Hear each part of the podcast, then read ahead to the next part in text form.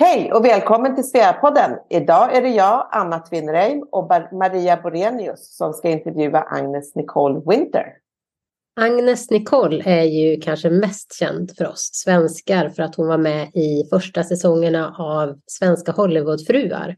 Men i dagens samtal så kommer vi att lära känna flera andra sidor.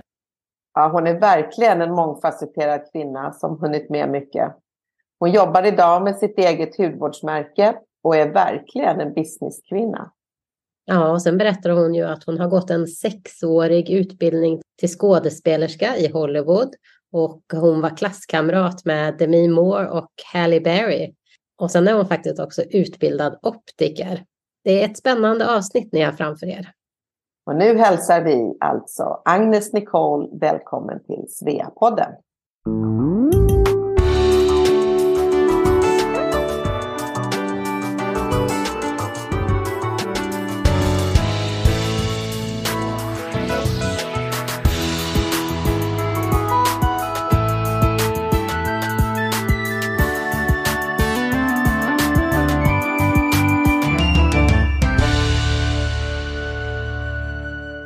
Hejsan, jag heter Agnes Nicole Winter.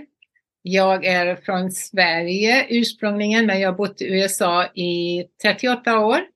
Jag bodde i Los Angeles i 35 och i Florida, Palm Beach i Florida i nästan fyra år nu.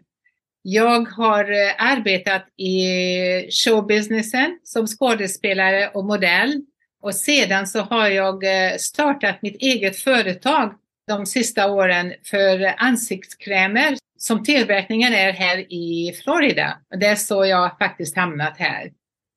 Så roligt att du vill vara här hos oss idag, Agnes Nicole. Det är jag och Maria som ska intervjua dig och eh, vi hälsar dig hjärtligt välkommen till Sveapodden. Det finns ju hur mycket som helst att prata med dig om. Vi har ju läst på lite grann om dig. Det handlar ju både om film, tv, musik och så hudvård och allting är så spännande. Det som vi tänkte börja med det är ju det här med svenska Hollywoodfruar som du var med i. Och vi har ju aldrig varit med i en inspelning av en sån här reality show. Så om du har lust att berätta ja, hur det går till när man blir kontaktad. Ja, det, det berättar jag gärna för att eh, eh som en gammal medlem i Svea jag var ju med eh, från mm, 86 med Agneta Nilsson. Jag var på styrelsen i Los Angeles med henne och eh, några andra eh, underbara kvinnor. Och kom fram nu till 2008, 2009 faktiskt, så bodde jag i Beverly Hills och det var någon som knackade på dörren. Så jag öppnade dörren och det var en kille som hette Robert Andersson som var en producent ifrån Sverige och eh, journalist. Så säger han så här till mig att jag har pratat med kvinnorna på Svea och de har rekommenderat att vi ska komma och prata med dig för vi söker medlemmar till den här nya tv-showen till Sverige, till TV3. Så det var faktiskt Svea som hade skickat dem till mig.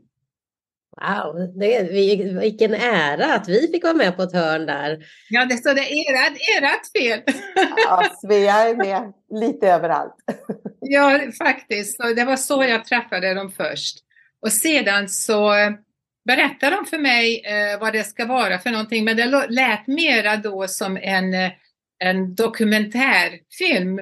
Så de skulle fokusera mest på jag hade en, eh, vi gjorde filmer, jag hade en produktionsbolag. och min team i, eh, som vi höll på med, vi höll på att avsluta en film och vi var inne på post production och vi höll på med mycket saker just då inom, inom företaget. Så det lät nästan så att jag skulle vara med i en dokumentärfilm. Men så gjorde vi en pilot på fyra avsnitt och det blev lite blandat där i. Och då hade jag inte träffat varken Maria eller Anna Anka ännu, men jag visste att de var med. Jag visste vem Anna var, men jag visste inte vem Maria var. Så eh, när de eh, visade de fyra avsnitten i Sverige så blev det alldeles tokigt för telefonen ringde dygnet runt och jag förstår inte vad som hade hänt. För att jag visste att de skulle visa det, men de skulle visa det mer ja, vad jag trodde var en dokumentärfilm. Och eh, Eh, de ringde mig, TV3 ringde mig, alla ringde och skickade mig blommor. De gjorde, vad är det som har hänt? Vad är det som har hänt? Så sa de att eh, de hade visat de fyra eh, delarna utav första säsongen, som de kallar det. Jag tror det var mer en pilotsäsong. Och den fick en otrolig success. Och, och, så började det. Så gick vi in då och filmade första säsongen. Och sen blev det, jag var med i fem säsonger, sex faktiskt. Oj, oj, det var så många säsonger alltså. Och hur fungerar själva inspelningen? Är de med dig, var de med dig varje dag eller var det särskilda dagar? Eller när var tv-teamet med liksom? Ja, jag, jag har faktiskt fått den här frågan väldigt många gånger och eh, jag får vara lite försiktig hur jag svarar på denna. Men så här går det till ungefär. Speciellt i mitt fall, för i och med att, i och med att jag arbetade. Eh, jag hade en fullt fulltidsjobb så jag kunde inte bara ha kameran eh, you know, på axlarna hela dagarna. Så det gick ju inte. Så man fick eh, göra ett litet schema och hur det gick till att man fick nästan eh, prata om vad, vad händer nu de nästa två månaderna? Vad, vad är det ni håller på med? Vad som är intressant och sen så ju mer Hollywoodfruarna började växa med flera medlemmar, de hade fem till slut, så fick de nästan matcha ihop så vi inte gjorde samma sak. Och de hade ju börjat att blanda mitt professionella liv med mitt privatliv ändå då jag, jag försökte inte dra in mitt privatliv allt för mycket. Jag drog in mina pojkar eh, lite grann. Så vi fick nästan matcha, så jag ska göra det och så sa ah, nej hon gör det redan så det kan du inte göra, Du hitta på något annat. Så vi matchade både eh, de eh, sakerna som vi skulle göra de vissa dagarna i samma episod. Så alla fick eh, välja att få ihop det och sen så när, man, när vi fick ihop det så speciellt i mitt fall så fick vi göra ett litet schema som passade in i mitt schema med mitt jobb. Och, eh, för jag fick blockera av kanske ett par veckor eller så, tre veckor och, och då filmar vi nästan varje dag.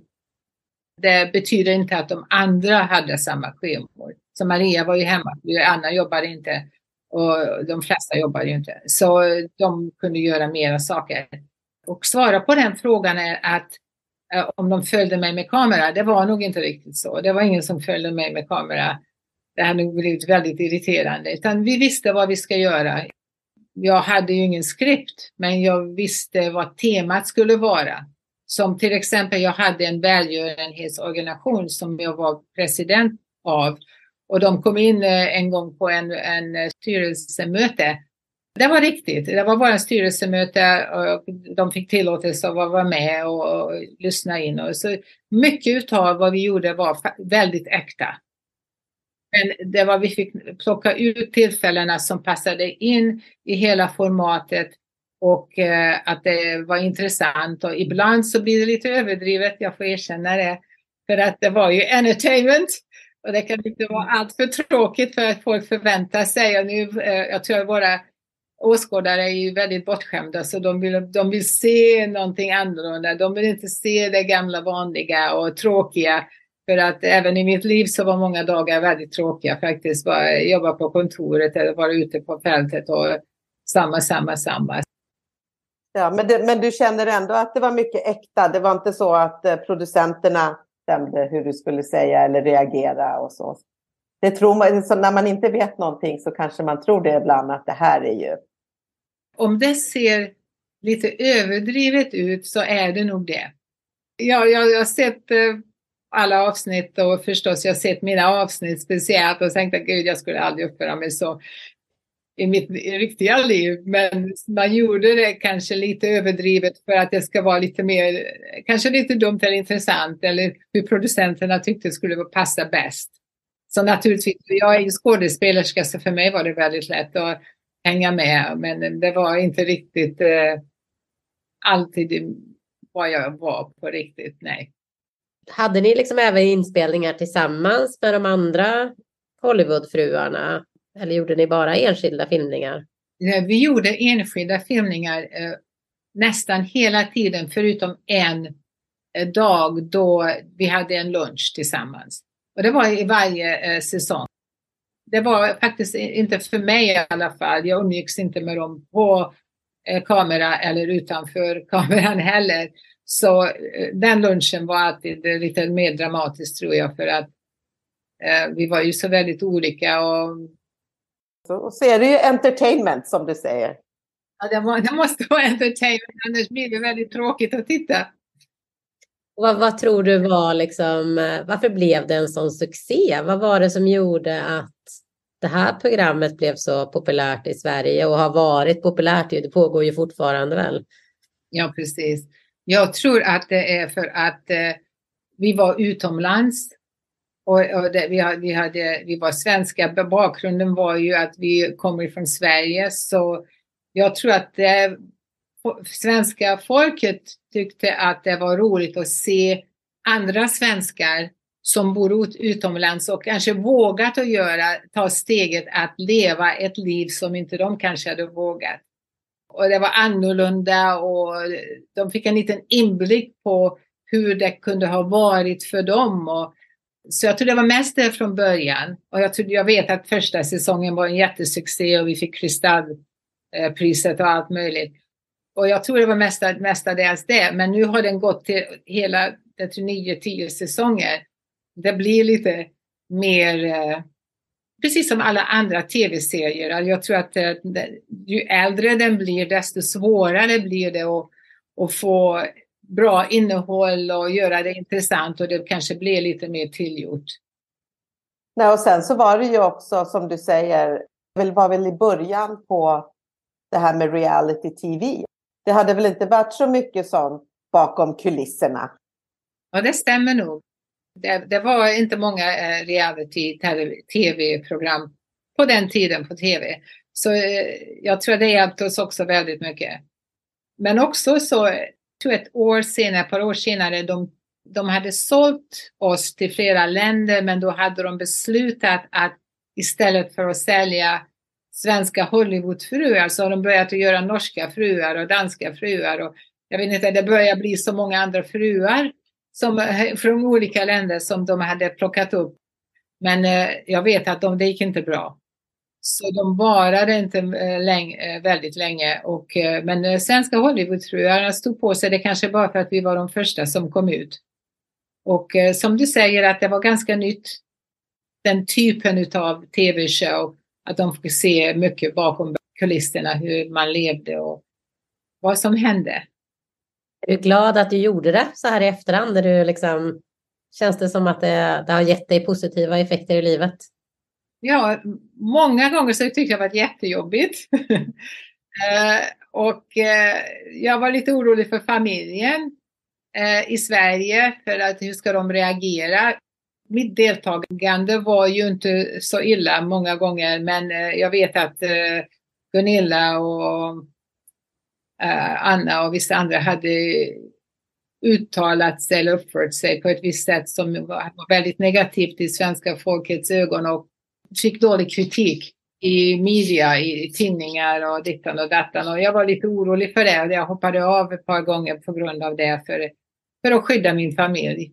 Och jag försökte alltid att göra mitt bästa för att filma någonting intressant, men inte negativt. Så även om det blir dumt ibland så jag tänkte jag tar hellre dumt än negativt. Nej, men det, det är ju för att visa respekt för sin familj. Tyckte din, ja, dina föräldrar till exempel, tyckte de att det var roligt i, i det stora hela?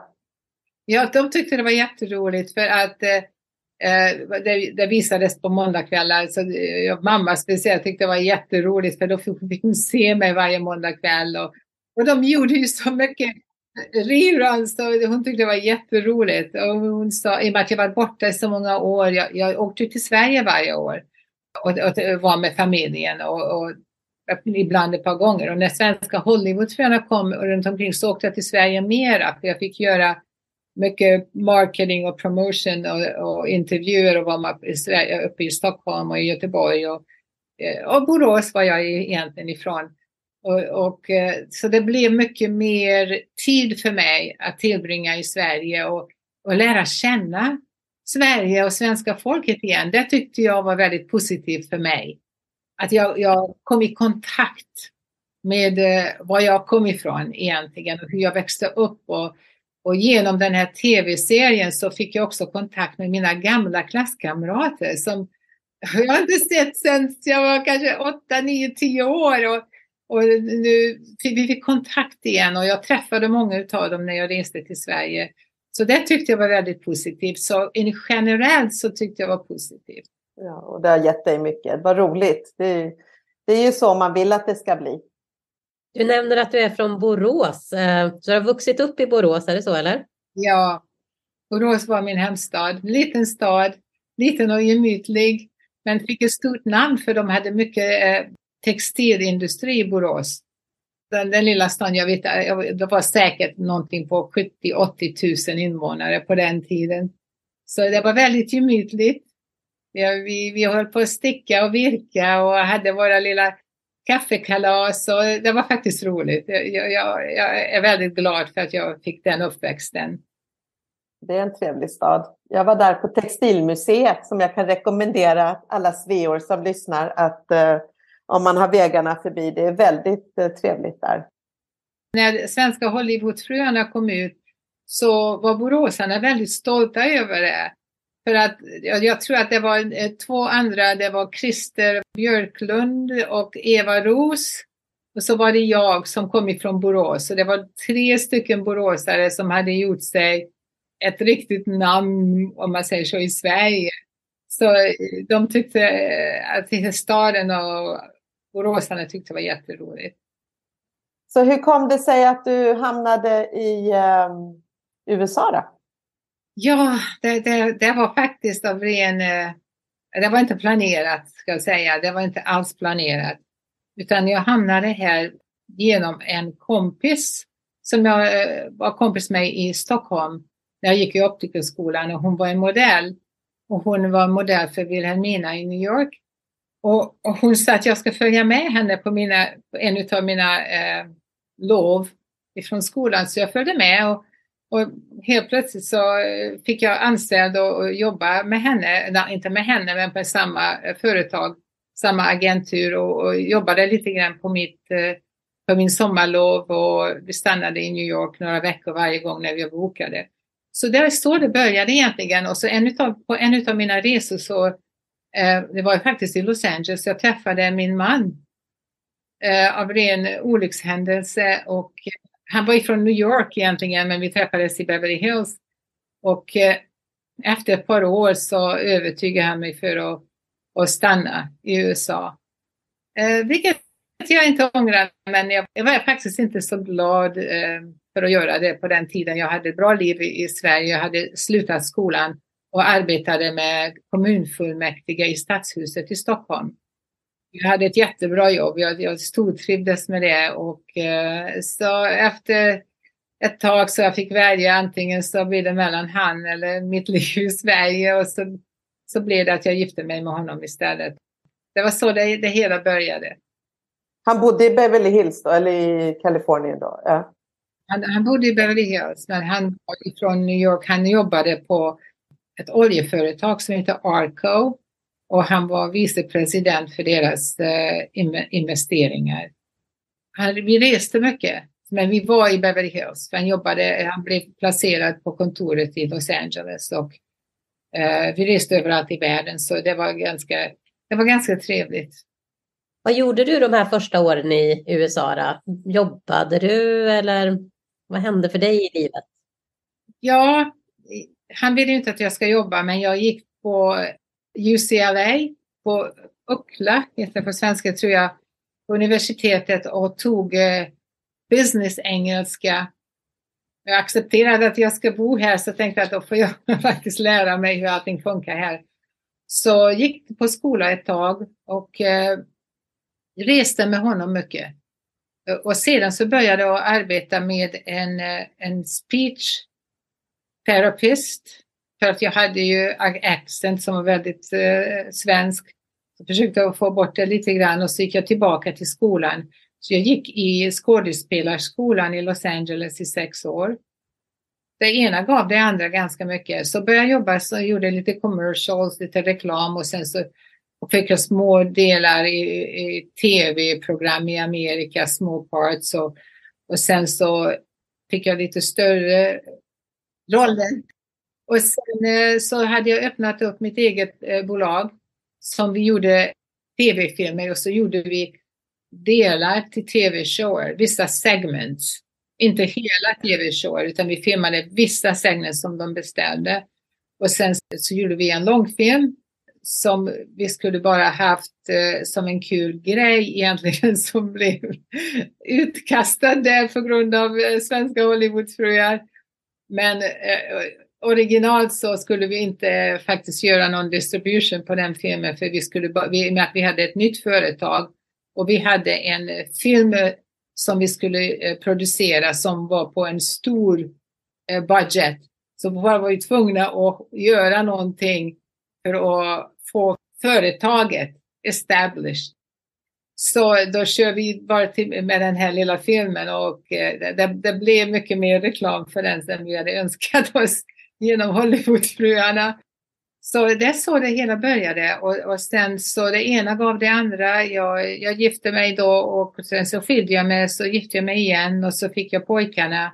Och jag jobbade hela tiden och det blev ju att jag jobbade i, i entertainment. Jag jobbade fortfarande som modell, gjorde mycket fashion shows och print och sen så jobbade jag eh, på vårt företag. Jobbade på den nya filmen som vi skulle göra.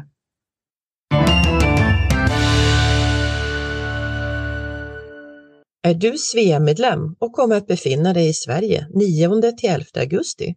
Passa då på att delta i Sveas populära Sverigemiddag som i år kommer att hållas i Göteborg.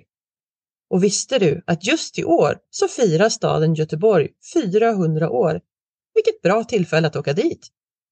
Det erbjuds fina utflykter, spårvagnstur, seminarier, vernissage samt prisutdelning till årets svenska kvinna och Svea International stipendiater. Och så en fantastisk galamiddag på Park Avenue Hotel. Gå in nu direkt på svea.org där du hittar all information du behöver för att anmäla dig. Hoppas vi ses i Göteborg i augusti.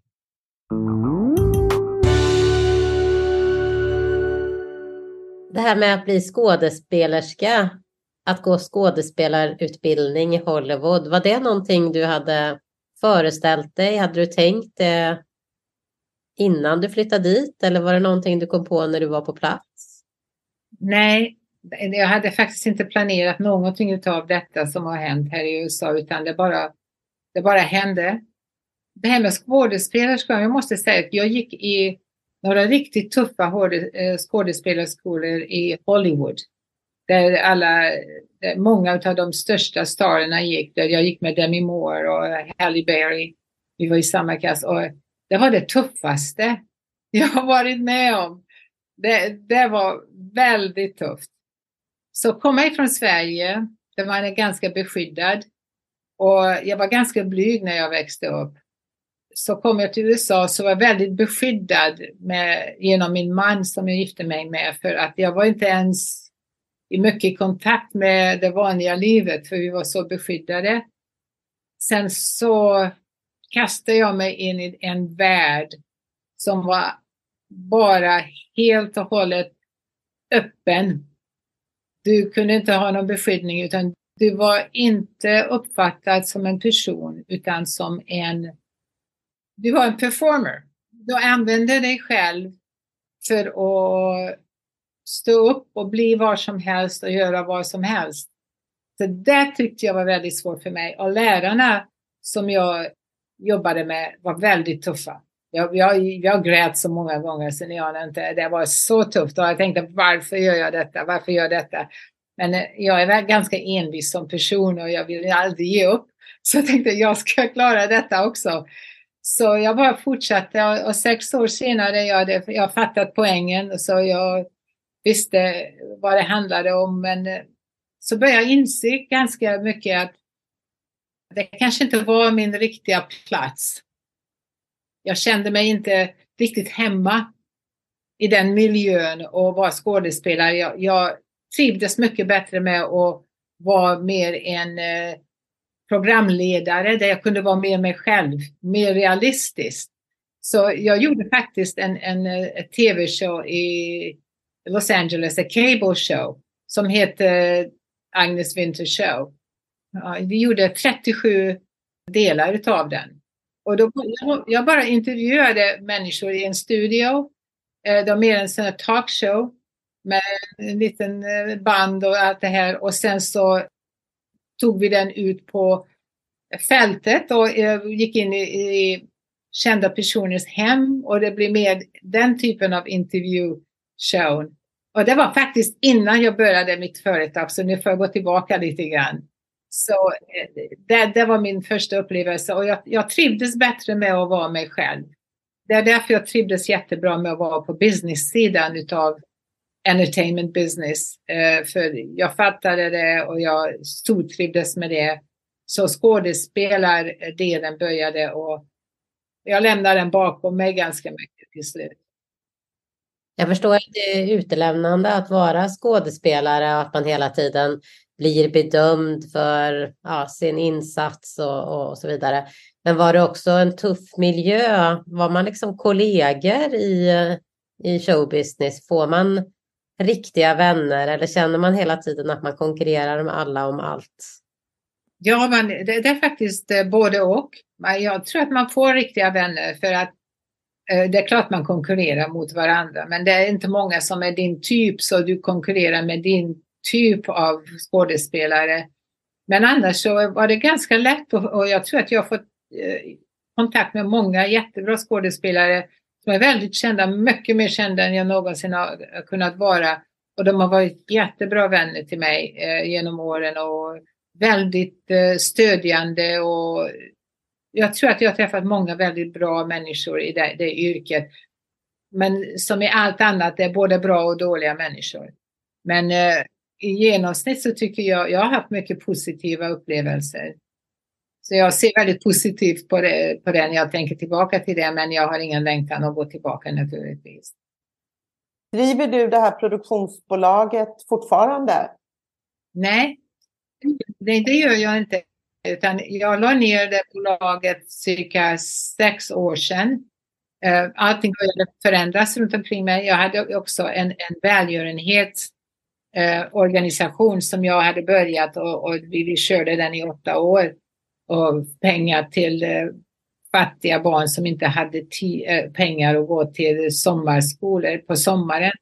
Så det var mer, eh, eh vi, gjorde, vi tog in pengar och vi gav ut 100 procent.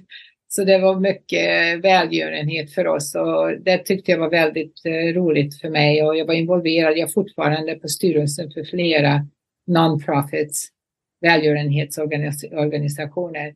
Så jag började och, och, och, industrin började förändras väldigt mycket i Hollywood. Det blev nästan en generationsbyte. Programmen förändrade sig. Som ni ser idag, det är inget som det var 15 år sedan.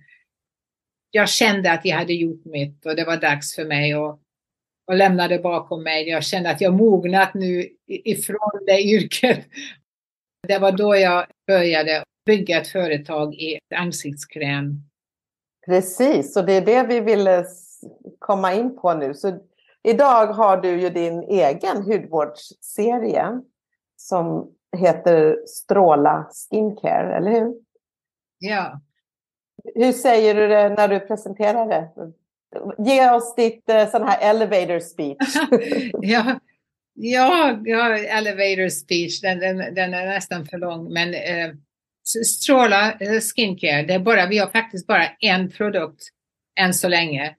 Men den har 14 aktiva delar i den, så du behöver ingen annan. Så det tog oss två år att utveckla den, men det tog sex år innan idén kom upp till första testprodukten var klar. För att eh, det är ingen annan som har den på marknaden och eh, den var väldigt svår att tillverka. Men nu har vi våran formula är helt byggt från grunden. Jag jobbade med chemist och scientist i, i flera år för att få ihop de delarna till den här en produkten som verkligen gör vad fem burkar skulle göra.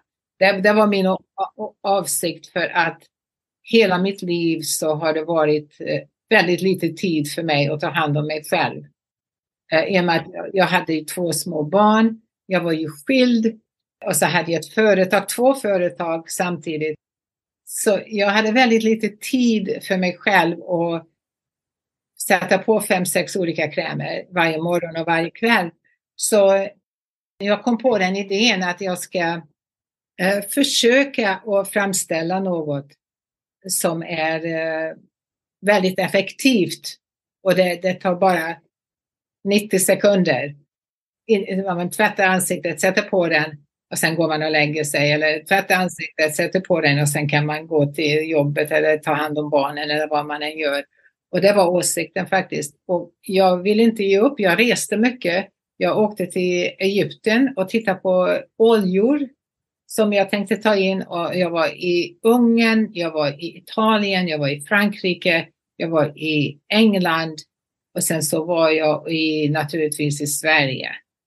Och jag träffade med deras top scientist med uh, anti-aging. Motverka åldrandet. Exakt, så jag lärde mig ganska mycket men till min stora besvikelse, det var ingen som utvecklat det som jag verkligen ville ha.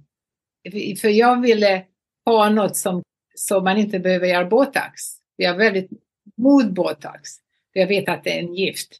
Så, men det gick inte för att jag, jag, insåg att det var tusentals människor som sökte samma sak och det är ingen som hade riktigt svar till det. Så då tänkte jag att eh, okej, okay, då får jag göra någonting, då får jag försöka sätta ihop med all kunskap som jag har fått nu, någonting som kan vara nära det, eh, som är ofarlig och eh, se samma, likadan resultat.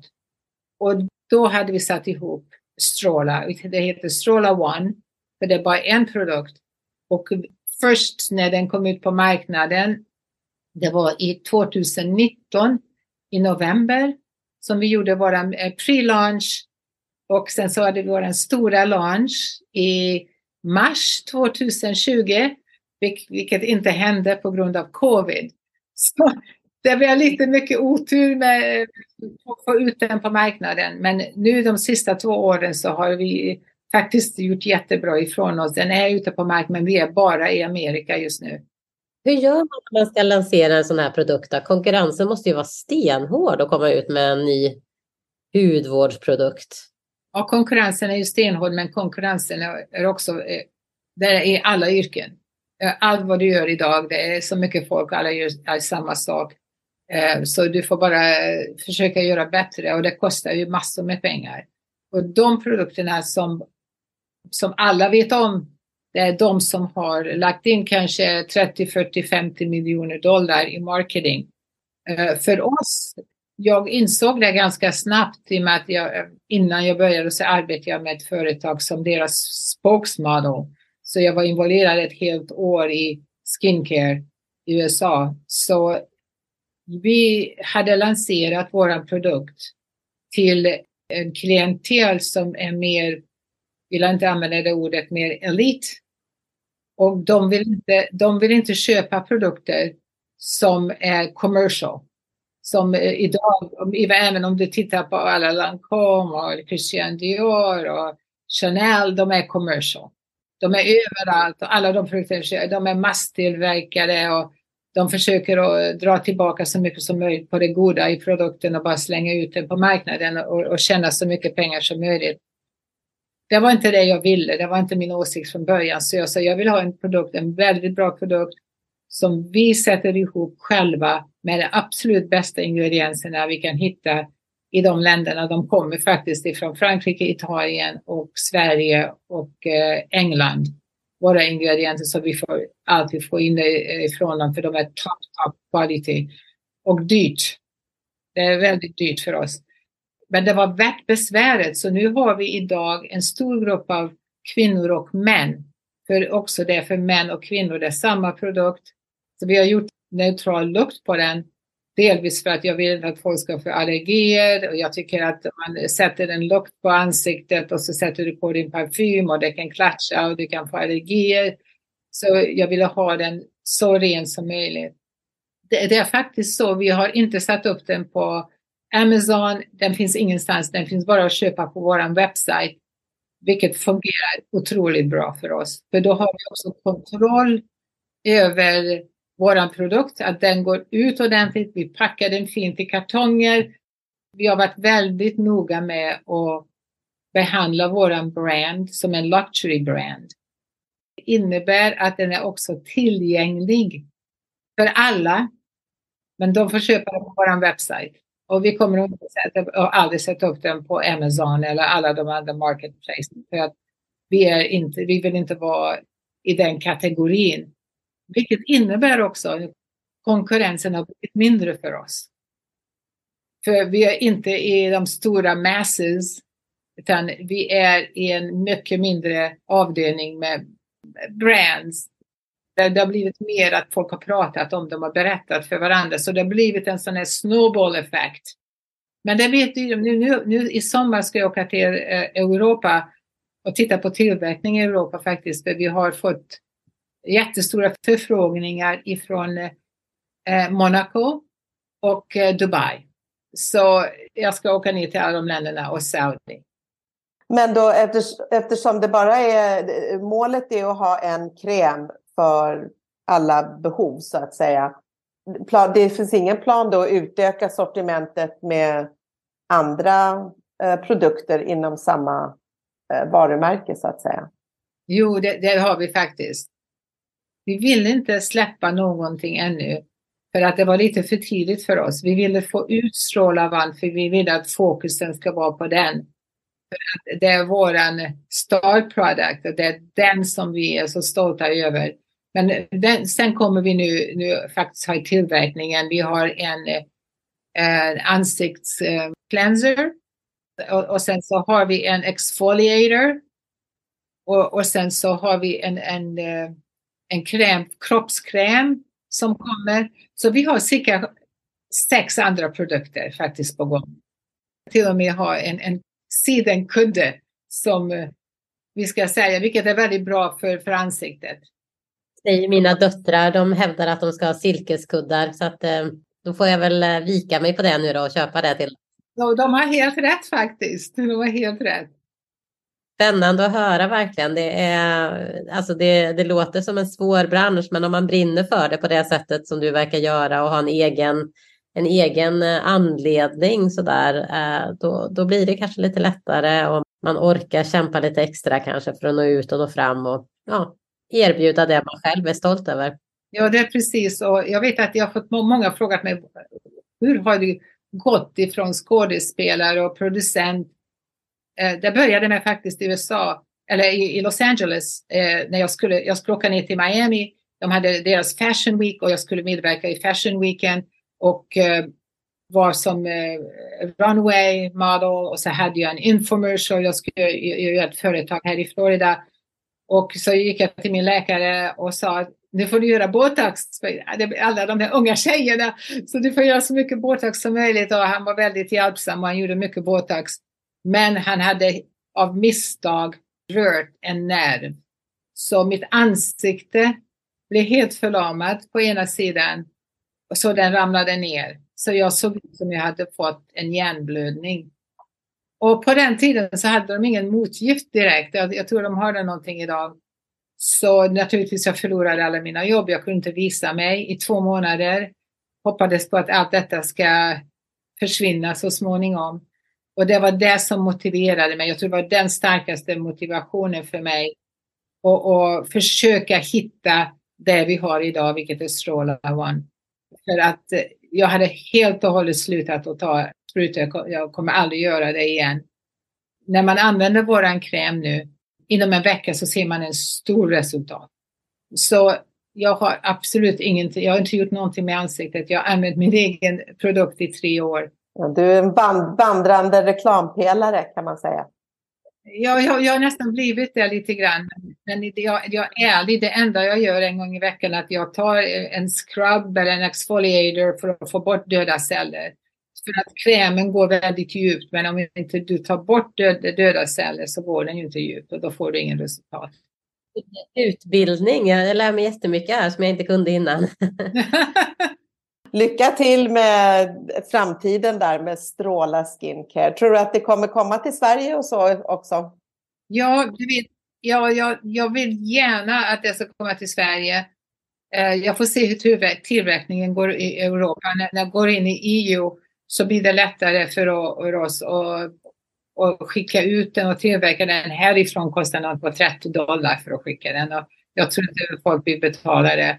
Så vi får se också att i och med att vi är en luxury product, våra priser är ju lite högre. Om inte folk förstår vad det är de köper så eh, vet jag inte om de är riktigt motiverade att betala så mycket. Så man får förklara, man får nästan educate. Nej, men det, och det är du jätteduktig på. Vi har lärt oss jättemycket. Du har nämnt dina två pojkar lite grann. Ja. Var bor de någonstans? Ja, min äldre son Christopher som är 33 år nu. Han bor i San Francisco. Han är, är inne på tech och eh, finance.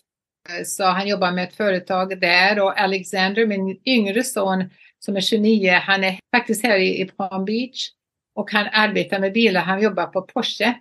Det har alltid varit hans passion att jobba med bilar och så äntligen så har han hittat sin plats. Han gick också igenom eh, modell, bägge båda mina pojkar var Ford Models eh, modeller och sen så gick de in på, eh, åtminstone Alexander gick in på skådespelare, stortrivdes inte och nu har han äntligen hittat sin, sin passion. Så bägge två är i bra ställe och de stortrivs. Ja, det är det man vill för sina barn. Jag tror vi läste någonstans att en av dina söner hade varit sjuk ganska nyligen under pandemin. Kan det varit så? Ja, ja tyvärr så Christopher som är 33 hade en väldigt, väldigt svår eh, hjärnoperation. Jaha, oj, var det så allvarligt? Ja, det, det, det var väldigt jobbigt för oss alla. Det var 2021 på sommaren där. Men han har repat sig och han är 100 procent så vi är jätteglada. Men det var några månader där vi visste inte om han skulle överleva eller inte. Så det var väldigt svårt för oss. Det är fortfarande svårt. Jag förstår. Och mitt under pandemin alltså? Mitt i pandemin. Så vi, vi, tog, vi tog ner honom till eh, Mayo-kliniken i Arizona. Där de hade den absolut bästa hjärnkirurgen i Amerika så han kom in till Arizona och gjorde operationen och han gjorde ett superbt jobb. Det blir nästan två år nu eh, i sommar så han mår jättebra. Han, han har jobbat full tid nästan hela tiden. Han är väldigt envis. Han har fått lite av mina, mina egenskaper. Äpplet faller inte så långt brukar man säga.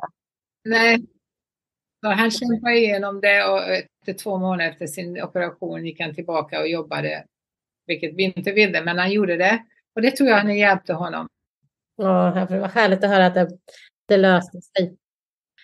Um, du bor i Florida, så är det. Vi, det kanske har att göra med att du har varit med i Hollywoodfruar, men vi fick för oss att du bodde i Kalifornien. Men du bor alltså i Florida. Vart någonstans i Florida bor du?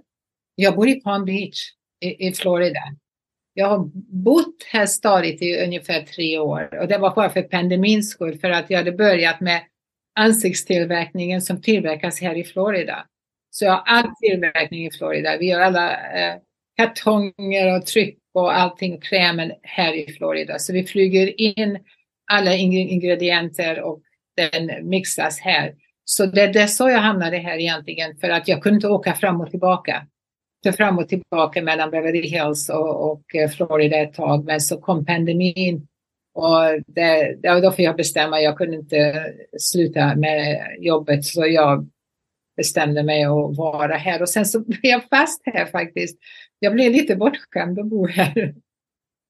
Om någon skulle komma till eh, området kring där du bor då, vad skulle du säga att man ska göra? Lite turisttips? Eller? Ja, eh, jag vet att det är många eh, svenskar som kommer till Florida och de, de besöker Palm Beach men de flesta åker mer till Miami och eh, Fort Lauderdale. Det, det är mera ungt liv och det är mycket mer att göra för turister. Där jag bor är lite mer äldre och mer sofistikerat kanske och tråkigare. Men det är väldigt upscale. Så det, mitt liv är mer att, att jag arbetar ju och så är jag mina vänner och så går vi på mycket privata klubbar och eh, går ut på båtar på helgerna Yachts och sen så mitt liv är lite annorlunda. Jag, jag, gör inte så mycket turistgrejer. Men jag vet att mina pojkar när de är, de gör ju massa saker. De är ute på havet och åker eh, jetskis och windsurfing eh, och allt möjligt. Och sen har vi alla krokodiler, alligators, eh, som är väldigt populära att titta på. Så det är mycket att göra tror jag för turister och det är mycket klubbar och mycket internationellt, speciellt ner, neråt mot eh, Fort Lauderdale och Miami. Tror du att du kommer bo kvar i Florida eller kommer du flytta tillbaka till Kalifornien eller hur tänker du? Eh, jag tror inte att jag kommer att bo här för resten av mitt liv. Det tror jag inte. Men eh, jag åker mellan New York och Los Angeles, Beverly Hills. Jag vet inte. Jag tror Kalifornien är inte så attraktiv eh, som det brukar vara nu. Det har hänt saker och ting. Det är samma sak i New York, men jag tror att jag dras mera till New York. Och jag är där så ofta. Jag åker fram och tillbaka, så det är så nära härifrån. Vi brukar fråga våra gäster om eh, de har ett eh, motto i livet som de tar till när, ja, jag vet inte, både bra och dåliga stunder kanske, men någonting som man vill dela med sig av. Jag har faktiskt ett motto som jag har sagt många gånger förut och jag har sagt det till mina barn och mina vänner. Och det är om min inställning till livet i princip. Och jag har sagt det till mig själv ända sedan jag var väldigt ung. Och det låter så här. Om en människa kan åstadkomma det så kan jag. Men jag kan inte vara lat. Och det kommer inte att hända utav sig själv. Och att man måste tro på sig själv och man får aldrig ge upp. Och man ska alltid följa sina drömmar. För även om det är svårt och det kan ta mycket längre än vad man tror eller vad man har förväntat sig så kommer det att hända så länge man jobbar på det varje dag. Även om det var en eller två grejer. Det är min livsinställning. Det känns som att ditt liv eh, har, har speglat lite din livsfilosofi. Ja, jag, jag, tror det. För att eh, jag kommer ihåg den dagen när jag gifte mig med Kent och vi bodde i Beverly Hills. Och allting var så serverat. Jag tänkte okej, okay, det här är inte riktigt mitt liv. Jag måste göra någonting annat. Så tänkte jag, jag har aldrig velat att bli skådespelerska. Så tänkte jag hmm, jag bor ju här. Jag kan ju pröva detta. Och så tänkte jag, nej, men jag har aldrig velat bli skådespelare. Men det var ju så svårt. Eh, jag, jag, ända, jag beundrar alla skådespelare för det är faktiskt mycket svårare än vad man tror. Och eh, man bara får utmana sig själv lite grann. Jag har alltid sett utmaningar, så okej, okay, jag kan göra det. Och jag tänkte, okej, okay, alla de människorna har gjort det. Då kan jag göra det om jag verkligen vill och, och är beredd på att jobba hårt för att få ett bra resultat. Och jag tror det är där det, det ligger på att man ska inte vara, man ska inte säga, ah, jag kan inte göra det. Jag kan det visst det, men titta på andras liv. Jag, jag, hela mitt liv så har jag läst mycket biografier. Läst om andras liv och var intresserad av hur de har åstadkommit vissa saker. Och lärt mig mycket genom det. Och man ser inte att, åh, oh, jag vaknade upp en dag och allting var så bra och så jag gjorde det och det. Nej, så, så, så är inte sanningen. Så om vi går in på det, jag tycker mitt liv har varit så mycket händelser. Det är jättemycket som har hänt. Men har det varit lätt? Nej, det har inte varit lätt. Det har varit jättesvårt. Ibland så var det så svårt så jag vill inte ens gå upp ur sängen. Jag, tänkte, jag orkar inte det jag vill inte göra det. Och sen så tänker man om lite grann. Okej, okay, får inte släppa taget, måste gå vidare. Och det är upp och ner och det är upp och ner för alla. Och jag tror det kan vara på större eller mindre nivå, men eh, sånt är ju livet och man får acceptera det, men man får ju aldrig ge upp. Jag tror det är det värsta man kan göra de sista sex åren, eh, sju år, jag har min diploma i life, executive life coaching. Jag har arbetat med mycket människor, mycket tonåringar, för att motivera dem, hjälpa dem igenom alla de här svåra stegen i livet. Och det kunde vara faktiskt väldigt unga, väldigt gamla, det kunde vara narkomaner, det kunde vara alkoholister, det kunde vara vem som helst. Det mycket, kanske en hel del människor från skådespelaryrket. Men det har också lärt mig, jag har lärt mig mycket ifrån de erfarenheterna, se hur de har försökt och inte lyckats och varför är de där de är? Och, och, och det är det jag försöker förklara för alla runt omkring. Du har bestämt att du ska vara där, men du kan också bestämma dig för att inte vara där och vara här istället, vilket är mycket bättre och lättare och roligare. Och då får du jobba dig mot det istället. Inte acceptera det dåliga. Nej, inte acceptera det dåliga. Det, man inte vill ha ska man inte acceptera. Fint avslut måste jag säga på ett, eh, på ett jättespännande samtal. Vi började kanske med det glättiga och så slutade vi på, på det allvarliga, men så, så kanske livet ser ut också. Tack så hemskt mycket för att jag fick vara med. Jag älskar Svea och alla kvinnor som jobbar så hårt för varandra. Jag är väldigt glad att jag fick delta i Sveas liv i så många år och jag kommer att fortsätta att vara med. Ja, det är vi väldigt tacksamma för. Så ha en jättebra fortsatt dag och eh, sköt om dig. Ja, ni också.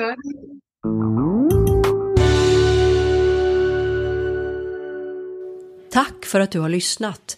Den här podden är inspelad och producerad för Svea International. Musiken är skriven för Svea av Fredrik Åkerblom. Alla vi som på olika sätt är involverade i produktionen gör detta som en del i vårt frivilliga engagemang för Svea. Sveapodden finns på de allra flesta ställen där du hittar poddar. iTunes, Google Podcasts, Spotify etc. Om du saknar något poddställe så skicka ett mejl till sveapodden gmail.com. Mer information om Svea hittar du på vår webbplats svea.org och i sociala medier så finns vi på Facebook, Instagram och LinkedIn och där hittar du oss som Svea International.